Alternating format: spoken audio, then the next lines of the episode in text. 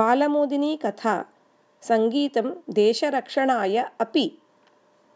भारतीयेतिहासस्य मध्यकाले चित्रदुर्गनामके संस्थाने सैनिककुटुम्बे जयसिंहः नाम कश्चित् आसीत्। सः खड्गादिभिः रणरङ्गे योद्धुं न इच्छति स्म। गाने वाद्यसङ्गीते च तस्य महती आसक्तिः यदि युद्धमेव एषः न जानीयात् तर्हि दुर्गस्य विपत्काले सैनिकस्य पुत्रः सन् कर्तव्यं कथं निर्वहेत् इति चिन्तयन्तः गृहजनाः तस्य विषये असन्तुष्टाः। तदर्थं जयसिंहस्य उत्तरम् आसीत् देशस्य रक्षणं न केवलं शस्त्रेण एव अपि तु सङ्गीतेनापि शक्यम्। अवसरे लब्धे सति तदहं निरूपयिष्यामि इति एकदा दुर्गस्य उपरि आङ्ग्लेयानाम् आक्रमणं सञ्जातं दुर्गस्य स्वाधीनीकरणम् असाध्यम् आसीत्। यतोहि दुर्गः तु अत्यन्तं दुर्गमं दृढञ्च आसीत्।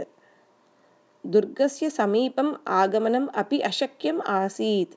यतः बाणहस्ताः वीराः तस्य रक्षकाः आसन्।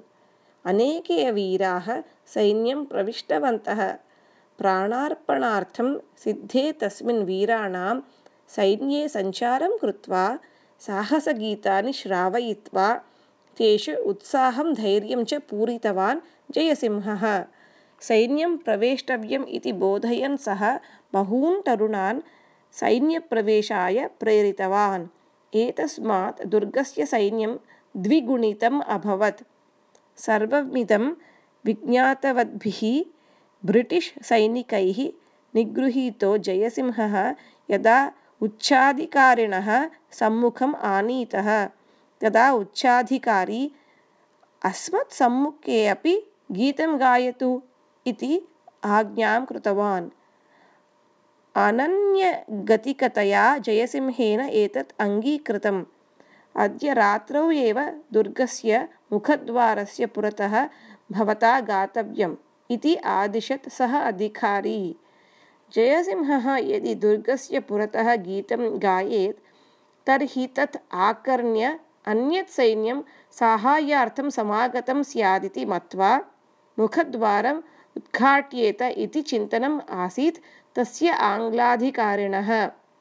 जयसिंहः एतत् झटिति एव अवगतवान् अतः सः दुर्गसैन्यस्य जागरणाय गीतम् आरभत।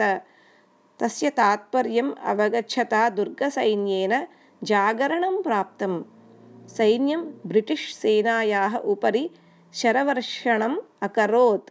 एतस्मात् अनेके आङ्ग्लसैनिकाः आहताः अभवन्। एतत् लक्षितवान् कुपितः आङ्ग्लसेनापतिः किं गायति भवान् इति अपृच्छत् यावत् जयसिंहः उत्तरं दातुम् उद्युक्तः तावता दुर्गस्य सैन्यं सम्पूर्णं जागरितं सत् ब्रिटिश् सेनां नाशयत् युद्धस्य तीव्रताम् अवर्धयत्। दुर्गस्य सेनाधिपतिः उच्चस्वरेण अवदत् परिवृत्य गम्यताम् अन्यथा भवतां सर्वनाशः निश्चितः इति। अनन्यगतिकतया ब्रिटिश् सेना प्रत्यगच्छत् जनाः जयसिंहं बहुधा अस्तुवन्